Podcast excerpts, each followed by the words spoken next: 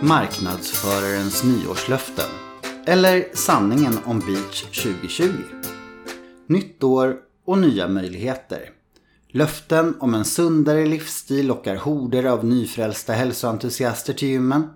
Och det blir allt svårare att samsas om löpbanden. Samma känsla av nystart och ambition infinner sig även hos företag.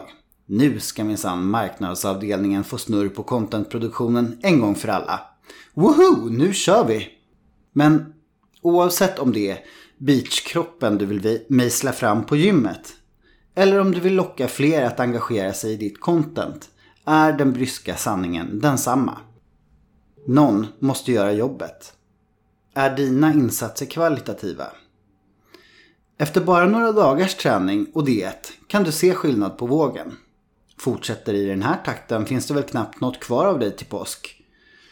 Även dina marknadsinsatser kan ge snabba resultat. Det senaste blogginlägget har fått många klick och plötsligt ramlar det in en hel drös nya prenumeranter på nyhetsbrevet.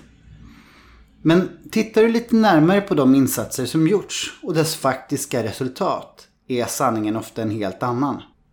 För hur härligt det än känns att se vikten rasa så snabbt på vågen så är det oftast bara vätska som lämnar kroppen i början. Inte de där kilorna du verkligen vill komma åt.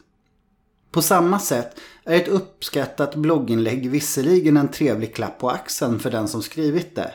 Men om du inte vet något om dina läsare är det faktiska värdet väldigt begränsat. Då är de nya prenumeranterna av nyhetsbrevet förvisso en bra indikator på vilka som intresserar sig för ditt content. Men samtidigt kan du missa guldkorn som gömmer sig i den anonyma läsarstatistiken. Får du långsiktigt positiva resultat? En annan utmaning är att lyckas bibehålla de positiva resultat av träningen som du faktiskt uppnår. Många som går all in med träningen efter nyår tränar visserligen ofta och hårt men försummar samtidigt vikten av både kost och vila. Något som på sikt bara bryter ner kroppen och gör att du inte uppnår önskade resultat. I längden kommer du heller inte att orka hålla samma tempo. Detsamma gäller marknadsinsatserna. När ditt content väl fått spridning är det lätt att tänka att det viktigaste nu är att publicera mer och locka fler att ta del av ditt innehåll. Risken är att du producerar en stor mängd content som håller en halvdan kvalitet. Om du inte bidrar med matnyttig kunskap och sprider ditt content i rätt portioner kan dina potentiella kunder känna sig spammade av dina utskick och annonser. Det kan i värsta fall utarma det förtroende du vann med ditt ursprungliga content och samtidigt ta musten ur dig och dina kollegor som inte orkar pressa ur er nytt innehåll i parti och minut. Är din satsning till mer skada än nytta? Ofta uteblir även de långsiktiga resultaten om du inte har tydliga mål och en strategi för hur dessa mål ska uppnås. Sanningen är att det inte finns några genvägar. Oavsett om du vill undvika vassen under Beach 2020 eller ta gräddfilen till kundernas hjärtan genom en snabbsatsning på content marketing. Ingendera är någon quick fix.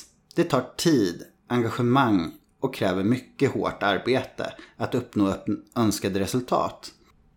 Att gå ut hårt och storsatsa utan att först göra hemläxan kan i värsta fall innebära att dina ansträngningar får motsatt effekt och blir till mer skada än nytta.